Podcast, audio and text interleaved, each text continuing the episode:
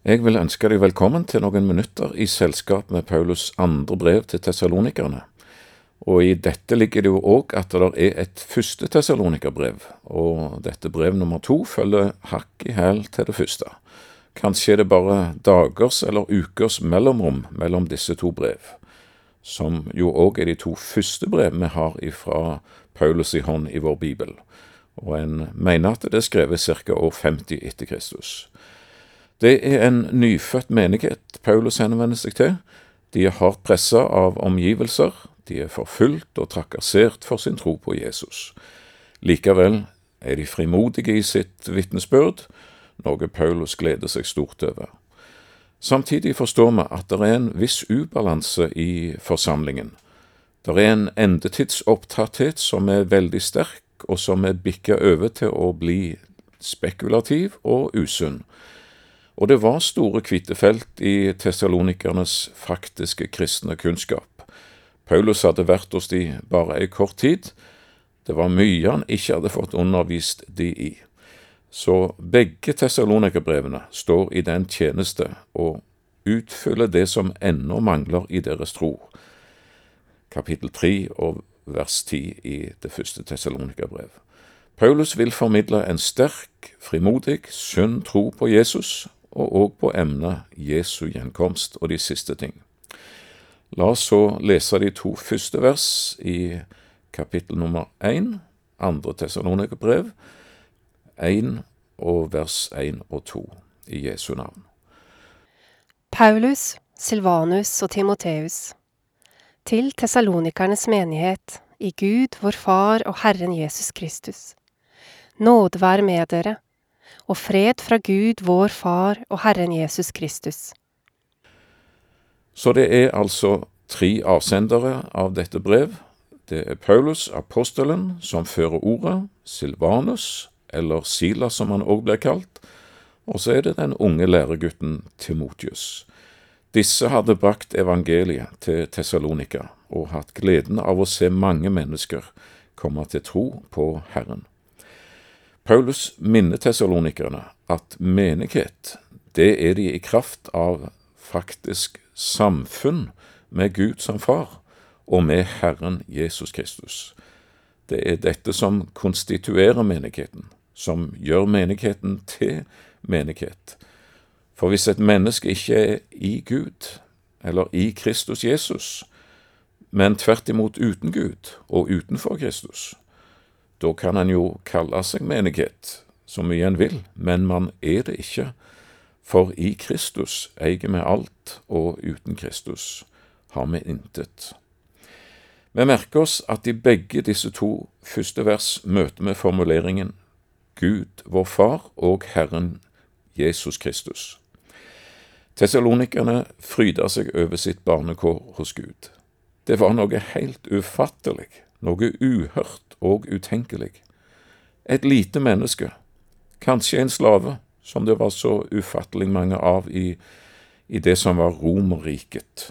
Altså et uh, undermenneske som egentlig var taksert til null verdi i seg sjøl. Det var bare nytteverdien som gjaldt. Var slaven kjøpt, ja, så kunne eieren gjøre hva han ville med sin eiendom. Beholde den, eller skrote den, ta livet av slaven om han skulle ønske det. Og så møter denne slava evangeliet, og han kan ikke fatte det han hører. For denne ene sanne Gud, som han nå hører om, han er visst ikke interessert i min nytteverdi. Han spør ikke etter mine tjenester. Han sier, Du er dyrebar i mine øyne. Du er aktet høyt. Jeg elsker deg. Jeg vil være deg en far, og du skal være meg en sønn, en datter. Deg har Herren sendt sin sønn i døden for. Og det var ikke til å fatte eller å begripe.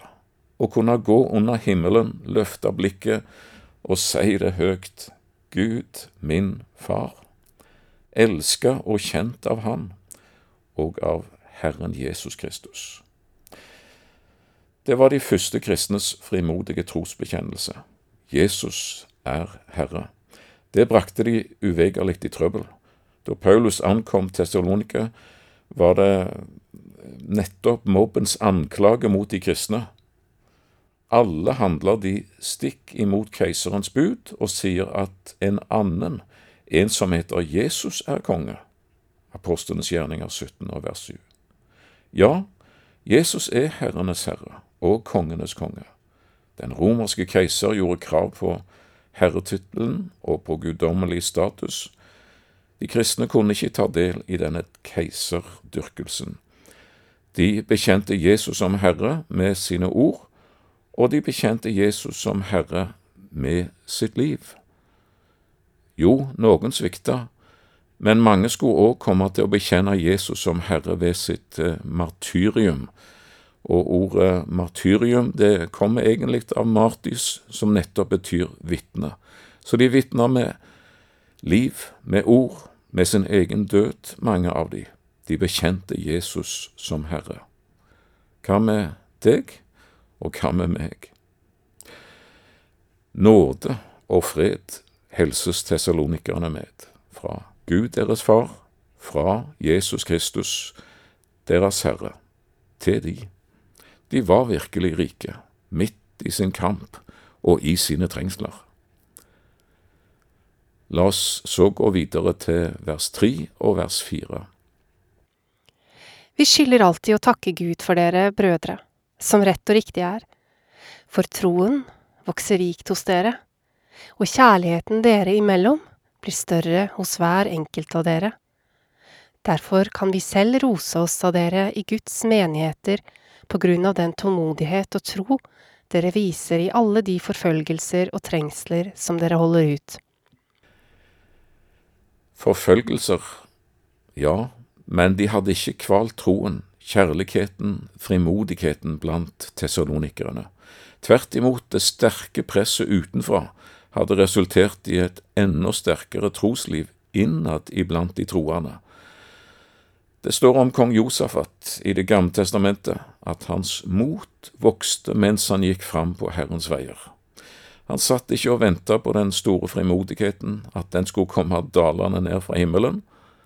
Nei, han tok et forsiktig, kanskje nølende skritt i tro, og så enda ett, og så ett til, og motet vokste for hvert skritt. Slik var det i Tessalonika.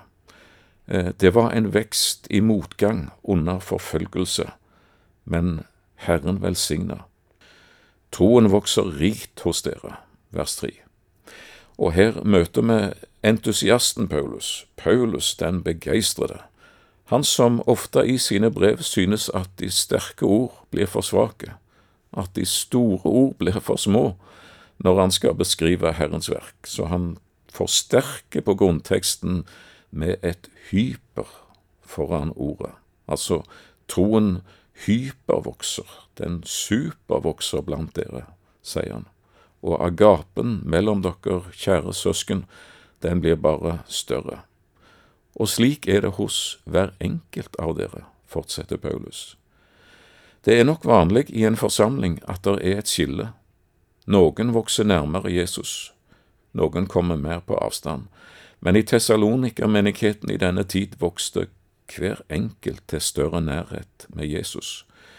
Måtte det være vår bønn, at jeg ikke er blant de som går i feil retning, som eh, skaper større avstand til Jesus, men tvert imot større nærhet til Han. Så er det ikke sjølskryt Paulus legger opp til i vers fire. Han vil ikke skryte over seg sjøl for alt han har utretta i Tessalonika. Det er et vitnesbyrd som jeg aldri kan glemme. En troens hedersmann som reiste seg opp på et møte. Og jeg husker varmen og inderligheten den dag i dag, om det mange år siden, når han sa det.